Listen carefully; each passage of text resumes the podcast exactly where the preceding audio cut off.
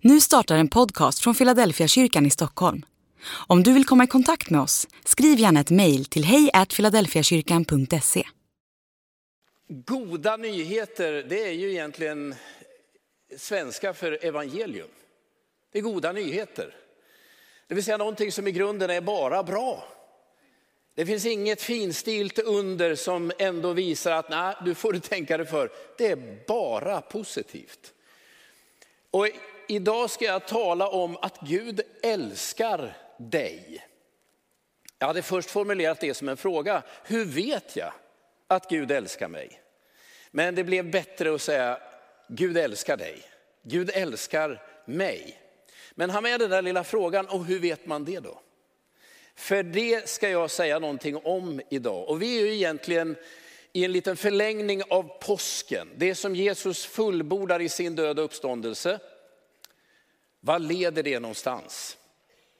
Så jag ska ta med dig till en bibeltext ifrån Kolosserbrevet kapitel 2. Kolosserbrevet kapitel 2 och så ska jag läsa vers 6 till vers 14. Kolosserbrevet kapitel 2, vers 6 till vers 14. Och så kommer jag att tala om hur du, idag ska jag försöka göra det i alla fall, tala om hur du faktiskt kan veta att du är älskad av Gud. Ni har lärt känna Herren Kristus Jesus. Lev då i honom, med rot och grund i honom, allt fastare i den tro som ni har undervisats i. Och låt er tacksamhet överflöda. Låt ingen göra er till fångar i tomma och bedrägliga vishetsläror som bygger på mänskliga traditioner och kosmiska makter och inte på Kristus. Ty i honom har hela den gudomliga fullheten förkroppsligats och tagit sin boning. Och i honom som är huvudet för alla härskare och makter har ni nått er fullhet. I honom har ni också blivit omskurna, men inte som människor gör det, utan genom att bli av med den syndiga kroppen. Det där kommer vi återkomma till. Genom att bli av med den syndiga kroppen. Eh, det är omskärelsen genom Kristus, när ni begravdes med honom i dopet. I dopet har ni också uppstått med honom genom tron på kraften hos Gud som uppväckte honom från de döda. Och ni som var döda genom era överträdelser och ert oomskurna tillstånd, er har Gud gjort levande tillsammans med Kristus i och med att han förlät oss alla våra överträdelser och drog ett streck över det skuldbrev som belastade oss med lagens krav. Han har utplånat det genom att spika det på korset. Det är ju kreativ konferens. Mest kreativa det är ju Konsumkassen ni ser här. Hade man haft tur så hade man kunnat sagt detta är en predikan med stöd från Coop, men det är inte sant. Det här var den kasse jag hade hemma, vi kommer tillbaka till den. Så det är ingen reklam, jag ber om ursäkt för om någon tar illa vid sig. Inte, ni handlar precis vart ni vill, när ni vill och så. Men det här är vad jag har. Så tänker jag, ja, jag måste ju hitta, hur ska jag dela upp det här? Jag är inte mer fantasifull än att ni nu får tre punkter. Den första punkten, ett, ni har lärt känna Jesus. Min andra punkt, låt ingen göra dig till fånge. Min tredje punkt, i honom har du blivit omskuren. Alltså, du har lärt känna Jesus, punkt ett. Eh, låt ingen göra dig till fånge, punkt två. Och Jesus har du blivit omskuren. Och för att du bara ska veta vart jag är på väg nu, så kommer det här landa i dopet. Det är dit vi är på väg. Så det här är egentligen en, en, eh, en doppredikan med en rätt så lång inledning. Men ett, ni har lärt känna Kristus Jesus Herren. Så stod det. När jag kom in i kyrkan, jag minns ju detta, jag var 17 års ålder när jag började gå på gudstjänster. Så uppfattade jag där jag satt när det var dags för bön, att man hörde sus överallt. Sus, sus, sus. Jag tänker, vad, är, vad säger folk? Men jag hörde det där sussandet. Tills jag insåg, det folk viskar Jesus. Det var ju det jag hörde. Och väldigt snabbt insåg jag att det är väldigt mycket Jesus när jag kom in i kyrkan. Jag tillhör de som alltid har trott att det finns en Gud. Lika säkert som det finns en himmel över mitt huvud har jag nog tänkt att det finns en Gud. Och jag tror att det är rätt många i vårt land som fortfarande i hemlighet tänker så. Det kanske är en högre makt eller en kraft eller en energi, men någon form av högre väsen finns. Att universum är tomt och det enda som existerar är det vi ser med våra ögon, det är svårsmält. Nej, det finns något mer. Men när jag kom in i kyrkan så hörde jag ju sus hela tiden tills jag insåg det är mycket Jesus. Men här säger ju Paulus, ni har lärt känna Kristus, Jesus, Herren. Kristus det är egentligen en titel, den smorde. Och Herren talar ju om rollen han spelar. Jesus är namnet på personen. Och då har jag insett att framförallt i pingströrelsen men i stora delar av frikyrkan, då är det Jesus vi pratar om. Någon gång skjuter vi in ett Kristus, men när jag lyssnar på de här lovsångerna som vi sjunger, så ärligt talat har jag känslan att enda gången vi tar till Kristus, det är för att det inte ska bli, det är för att det behövs för rimmet så att säga. Hade det gått hade vi varit nöjda bara med Jesus. Ni vet, Jesus Krist, hörnsten är, det är ju en sån här sång vi sjunger. Jesus, hör, nej vi sätter dit ett Krist också. Men det är Jesus som är hela fokuset. Och då kan man tänka, vad konstigt, det är ju Kristus Jesus, Herren. Men i det här skulle jag säga att det finns en mycket, förmodligen intuitiv teologisk insikt. Vi har inte kommit överens om det. Det är ingen av mina företrädare som har sagt att hörni, nu pratar vi bara Jesus-grejen.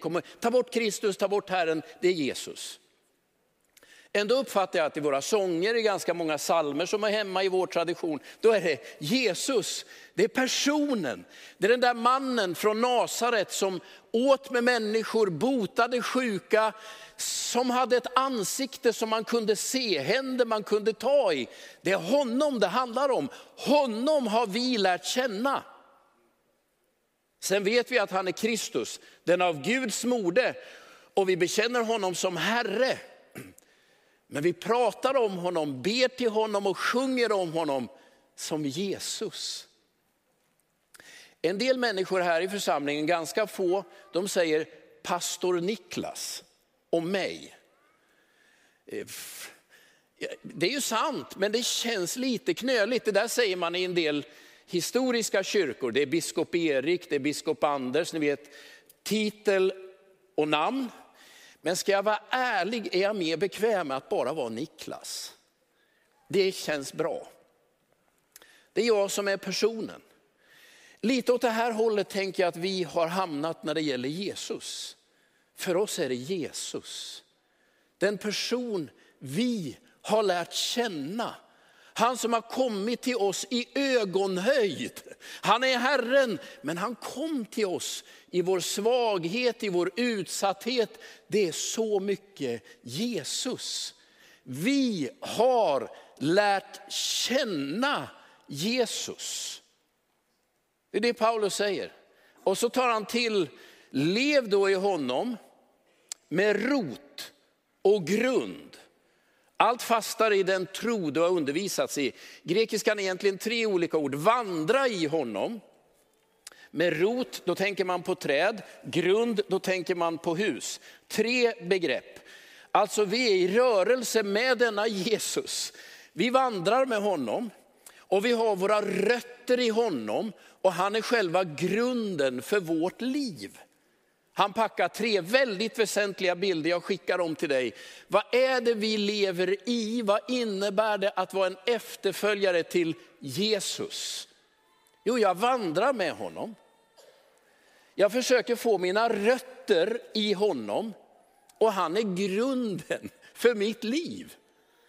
Nu har jag ju byggt på rätt mycket ovanpå den där grunden och ovanför rötterna står ju ett rätt kvistigt träd också.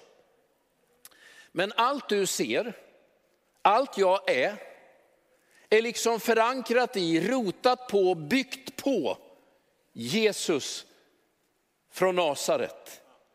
Hans, hans tid, evangeliets berättelse, Guds självuppenbarelse i honom, det är mitt, det är mitt rotsystem.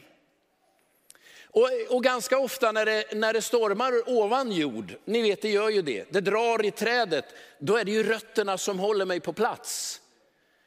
När, när, när det börjar knaka i, i kåken, då är det ju grunden som måste bära. Och det är det Paulus vet, han säger, ni har lärt känna Jesus, men vandra då med honom, med rot och grund, allt fastare i den tro ni har undervisats i. Det var väl det jag tyckte jag hörde er säga efter den här konferensen. Vad är det som händer när man är tillsammans, man lovsjunger och man ber? Nej, men man kultiverar sitt rotsystem. Man inspekterar grunden. Är det här bra? Ingen fuktskada? Håller den här? Det där skulle jag rekommendera dig att göra. Och det som kommer att hända de följande veckorna för många av er, det är att ni tänker, jag går med Jesus. Så om du vill förstå vad är det som är bärande i den här församlingens gemenskap och, och vi församlingar som, som brukar mötas på det här sättet som i en kreativ konferens. Då skulle jag säga att det är ett jättetydligt Jesus-fokus.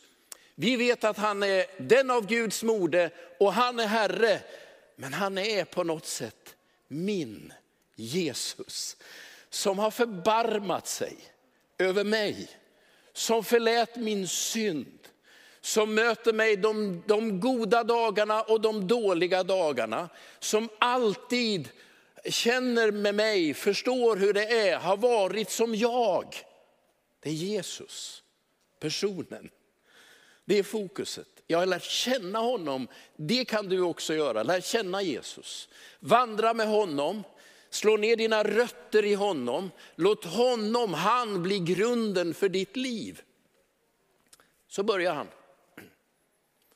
Och så tar han nästa steg och så säger han, och låt nu ingen göra dig till fången. Vad är det som har hänt i den här församlingen i Kolosse? Ja, det var ju att någon sa, du den här Jesus-grejen, det räcker inte. Det här med Jesus det är en bra början men det finns ju så mycket mer. Och så, så känner folk, ja det kanske inte räcker. Och jag inser när jag har nu varit med i kyrkan sedan 17 års ålder att det där kommer gång på gång på gång. Ja, det finns något mer avancerat man behöver komma in i.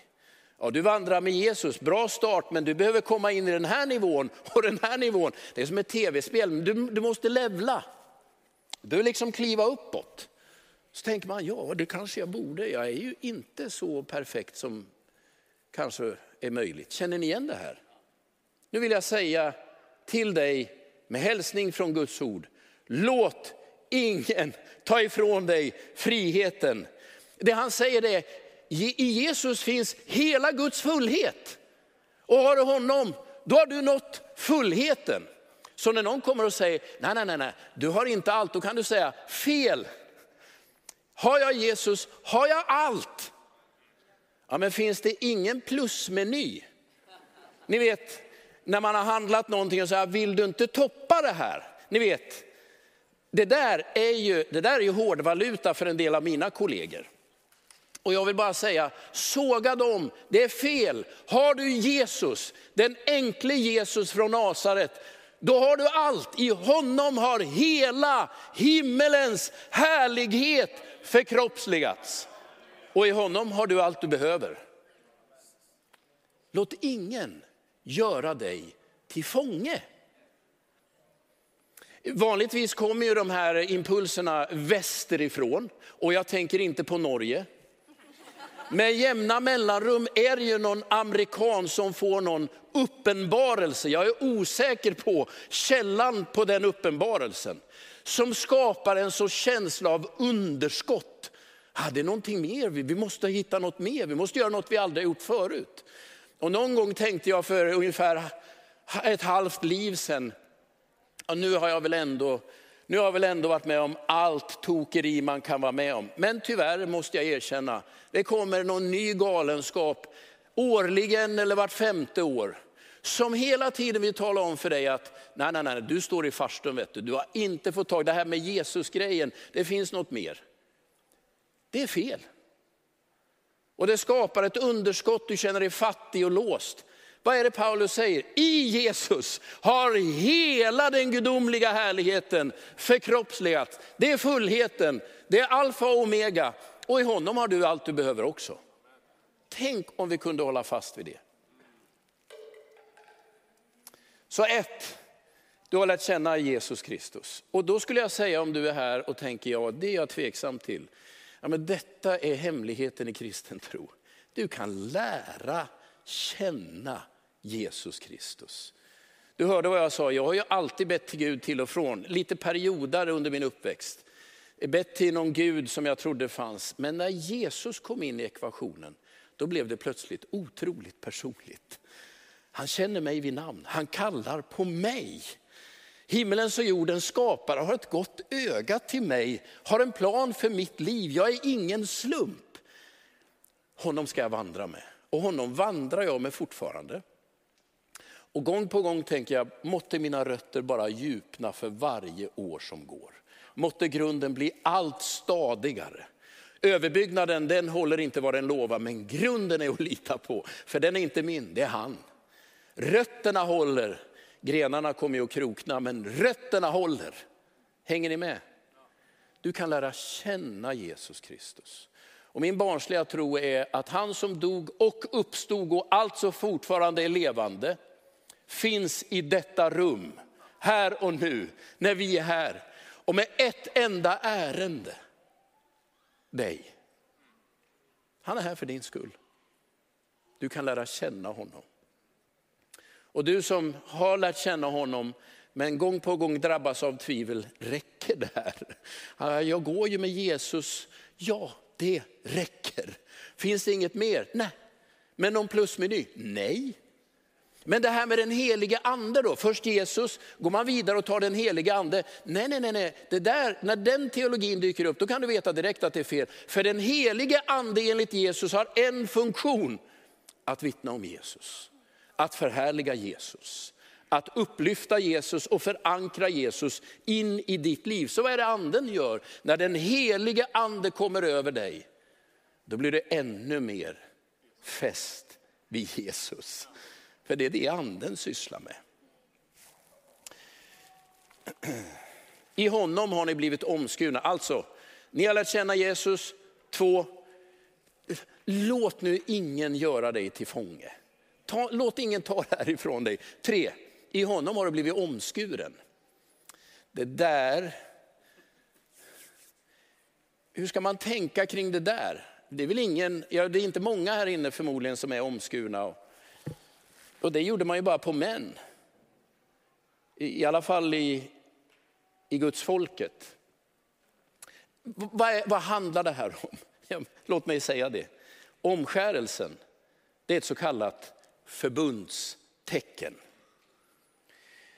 Det är som att Paulus nu går tillbaka, du har lärt känna Jesus, folk försöker ta dig till fånga. Ja men vänta här nu, du har ett förbundstecken. Och vad är det då han talar om? Inte omskärelsen, dopet. Ni vet när man ingick förbund, och även kan man väl tänka sig idag när man ingår förbund, så brukar man ha någon form av tecken. Jag har ju, jag har ju min vigselring här. Och varje gång jag tar av den så känner jag mig, man känner det när man fick den på fingret, eller det här är förlovningsringen, förlåt. Men man fick den på fingret så kände man ju den där hela tiden. Nu är det tvärtom, när jag tar av den, då känner jag det hela tiden. Det här är ju inte min fru, det begriper ju alla. Det, det, det här är ju bara en guldring. Det här är ju inte heller min kärlek, den finns ju här. Men det här är tecknet som säger att jag och Helena hör ihop. Och det står datum här i, så att jag ska komma ihåg vad som är väsentligt. När Paulus säger att dopet är som omskärelsen eller som vigselringen, då säger han, det är tecknet. Den där yttre manifestationen, den är inte själva kärleken, men den är signalen. Det är det där du kan hålla i så att du vet, jag är gift. Nu till Konsum. För, för, det är bara torrvaror i då. Men ni vet ju hur det är när man går och handlar. Jag ska ärligt säga att jag är en slö kund. Jag rullar alltid fram till den bemannade kassan och tänker att jag lastar upp och så får de läsa in och så tar de betalt av mig. Jag tycker det är lite trevligt att pausa i kön. Och med åren har jag också sett att det här är bra för, för min stresshantering. Ni vet, en del människor går ju till kön och så siktar man på den kortaste kön, för man vill ju inte förslösa sitt liv på en kassakö i Coop. Och då när man har hittat en kö, sen börjar man ju jämföra. Och sen blir man ju bitter om den kön man valde bort går fortare. Och så står man där och blir irriterad. Mitt förslag, sluta med det, jag har gjort det. Ibland går jag till och med till en lång kö bara för att få vänta. Ni vet, skönt. Men för några år sedan så startade ju rationaliseringsprocessen även i våra speceributiker. Och då skulle man ju, skulle man ju gå eh, och skanna själv. Och ni hör, jag är ju lite motståndare till detta. Men vid ett tillfälle så kommer jag och inser, det finns inte en enda bemannad kassa. Jag är kund, kunden har rätt. Var är expediten? Jag går och, och, och talar med henne och säger, nej, nej, nej, du får gå till självskanningen. Så mycket motvilligt går jag dit. Ni vet hur det går till. Man skannar de här. Den ena efter den andra, lägger ner det. Eh, I med kortet, betala. Och så tänker jag, nu har jag, nu har jag, nu har jag gjort jobbet åt den här butiken. Och de har ändå tagit lika mycket betalt som om jag hade haft en expedit som hade betjänat mig. Men nu ska jag gå hem. Så, så kommer man ju och där man ska gå ut, där är det ju, där är det ju någon spärr. Och så tänker man, hur går det här till då? Så jag försöker ju forcera den där med våld och inser att det verkar inte vara poängen att trycka sig igenom den. Dessutom är den för hög. För jag tänker jag kliver över den men inser att det är inte heller lyckat. Man vill inte hamna på mitten där, ni vet. Så jag står ju där med kassen, jag har maten, jag har betalat, men jag kommer inte ut. Ni vet. Man känner sig så dum i de här lägena. Har ni varit med om det? Det finns ju en lösning, men jag fattar inte vad den är. Då kommer ju expediten, ser min belägenhet och säger, du måste ta fram kvittot. Så tar man ju fram det här kvittot. Längst ner på den finns det ju en sån här kod, sån streckkod som man ibland i dunkla stunder tänker är kopplad till vilddjurets märke, men vi går inte vidare på det. Säger hon att du lägger den på den här läsaren. Så jag lägger den på läsaren och så öppnas dörren och jag kliver ut i frihet. Ja, det här har jag ofta återvänt till när jag tänker på mitt dop. Alltså dopet är som det här kvittot. Varorna, ja men det jag har fått av Gud, det har jag fått av Gud. Priset är betalt och inte av mig när det gäller dopet. Men hur ska jag veta att det är mitt? Ja, men när det gäller varor då har jag ett kvitto. Men när det gäller tron, då har du ditt dop. Hur vet jag att allt det Gud har gjort genom Jesus Kristus är mitt? Känns det så? Nej, är det verkligen säkert? Vissa dagar tänker man, jag har inte en rottråd kvar, grunden är raserad och vad jag vandrar det vet jag inte. Hur ska jag veta att jag är hans och att han är min och att allt jag behöver som finns i honom är mitt? Jo, skulle jag säga, det har du fått ett kvitto på. Nämligen ditt dop, det är det Paulus säger. Du har blivit omskuren, vad betyder det? Det betyder att Gud har talat om att han står i förbund med dig. Det finns ett kontrakt. Och den giltiga handlingen, i det här fallet då kvittot som säger att varorna är mina, priset är betalt. I kristen tro, frälsningen är din, priset är betalt. Hur vet jag? Du har ett kvitto i ditt hand och det är dopet. Vi är ju en kultur, och inte minst kan man väl tänka när det har varit kreativ konferens, här har känslorna flödat. Det, detta är starka känslouttryck. Vi lever ju väldigt mycket med hur det känns. Men det där är förrädiskt. Och det är som om Paulus försöker säga att ja, du kan luta dig in i dina känslor, men det kan behövas att du har något annat att hålla i. Och då säger han att det är förbundstecken som är ditt och som talar om för dig, svart på vitt, oavsett om det är en bra dag eller en dålig dag, att allt Gud har gjort genom Jesus är ditt. Det är dopet. Så av det enkla skälet vill jag säga, låt döpa dig till Kristus. När man kommer till tro på Jesus, ja men låt döpa dig. Att bli blöt, ni vet, och de sänker en baklänges, det där har jag funderat mycket på. När man sänker någon baklänges i sötvatten, då händer det någonting. Och det säger inte pastorerna innan, men här kommer informationen. Då strömmar sötvattnet baklänges in i näsan. Och där har du slemhinnor som kommer reagera negativt på sötvattnet. Det svider. Man tänker det här ska vara en härlig upplevelse. Den är lätt obehaglig. Och ibland då när, de, när man kommer upp där, sitter ju en församling och tittar och man tänker jag vill snyta mig nu. Förstår ni? Vad är det här för upplevelse? Det är för att du ska veta och minnas och aldrig glömma att ett tecken är gett till dig.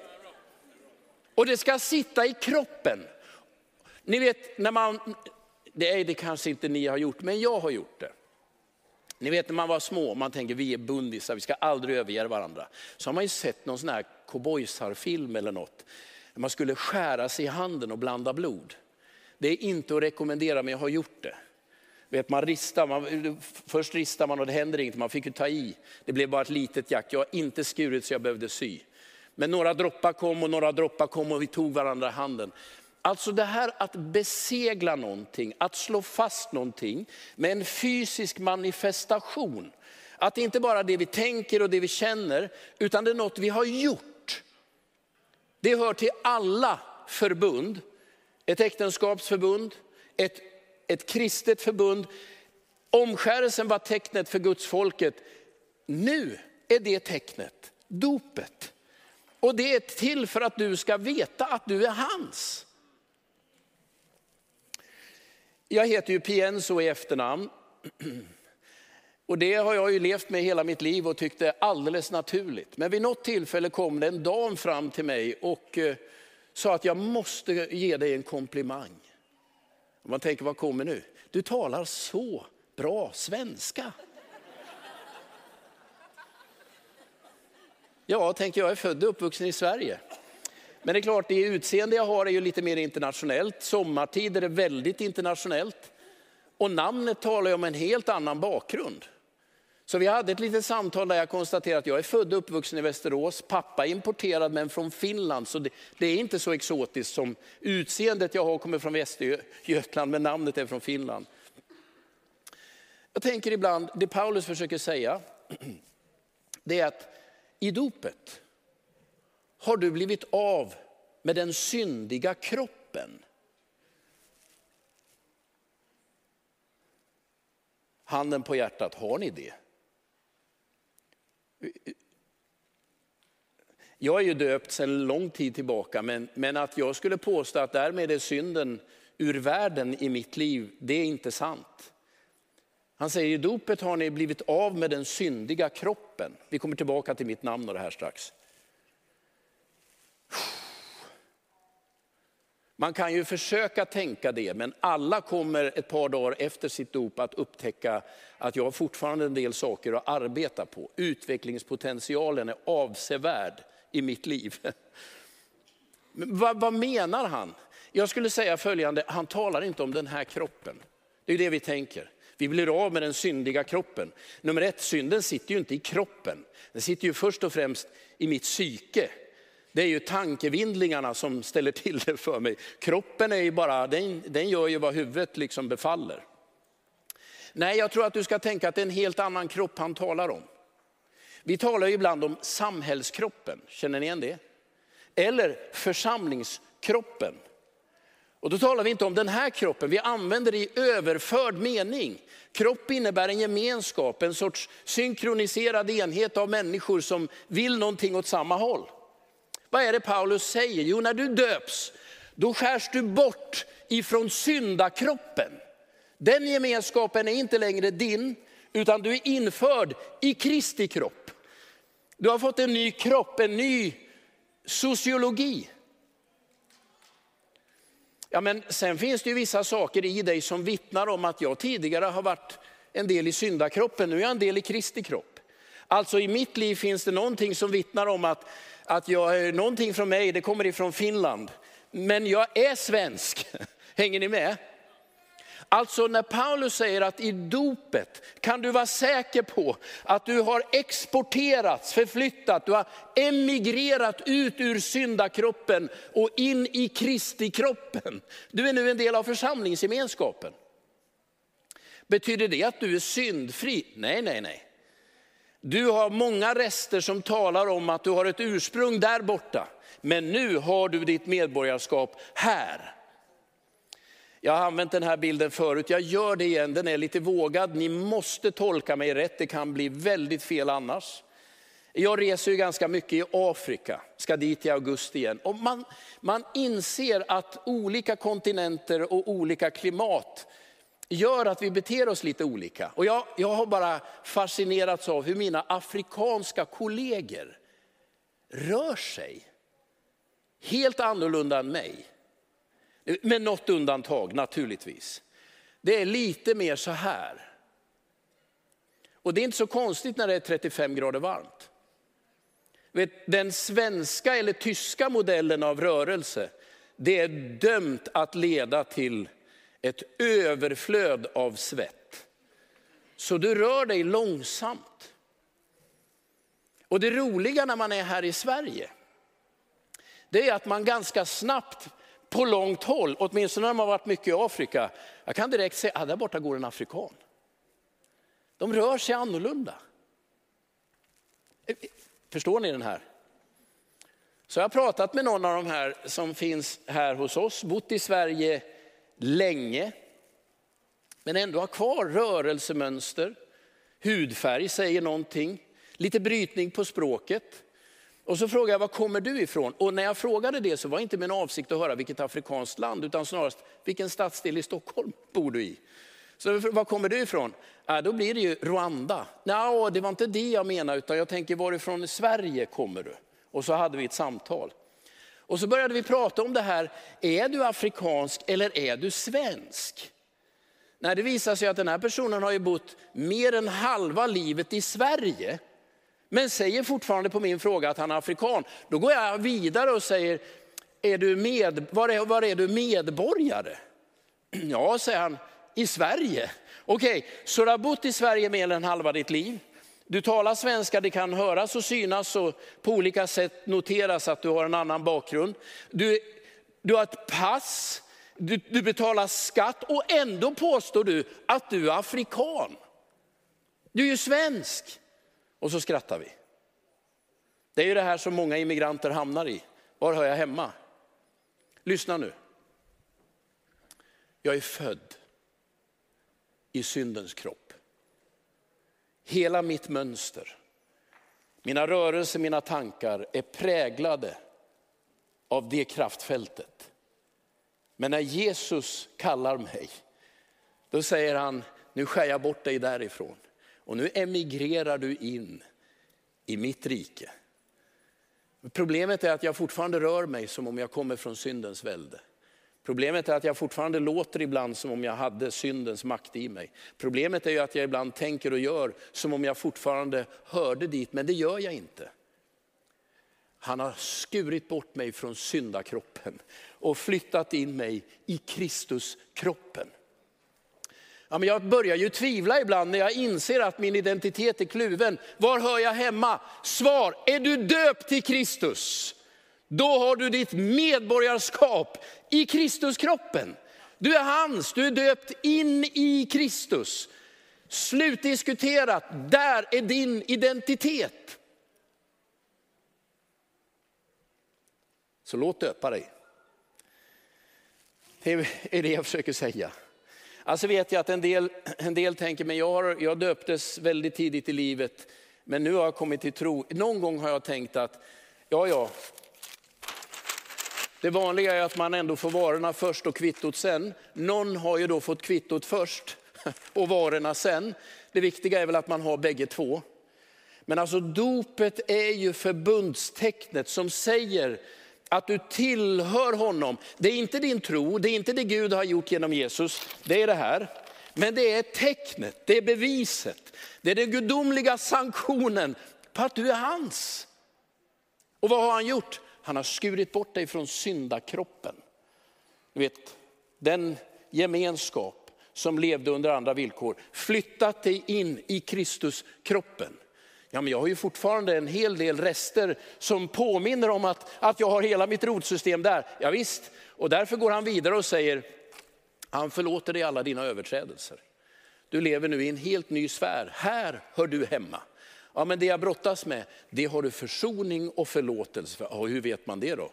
Gissa svaret. Du är döpt. Det är ditt tecken. Allt det Gud har gjort och velat göra genom Jesus Kristus, det är mitt och ingen kan ta det ifrån mig. Så det du ibland tänker och tvivlar på, det du ibland känner och tvivlar på, kan du ändå tänka, men jag har ett tecken. Jag har ett kvitto. Det finns någonting som säger mig att allt det Gud har velat göra genom Jesus tillhör mig. Så vad har jag velat säga? Ett, du har lärt känna Herre Jesus Kristus. Det är en väldigt subjektiv, skön upplevelse. Du vandrar med honom, rotar dig i honom, grundar dig i honom. Så dyker alltid upp de här som säger, det där räcker inte. Glöm det, det räcker.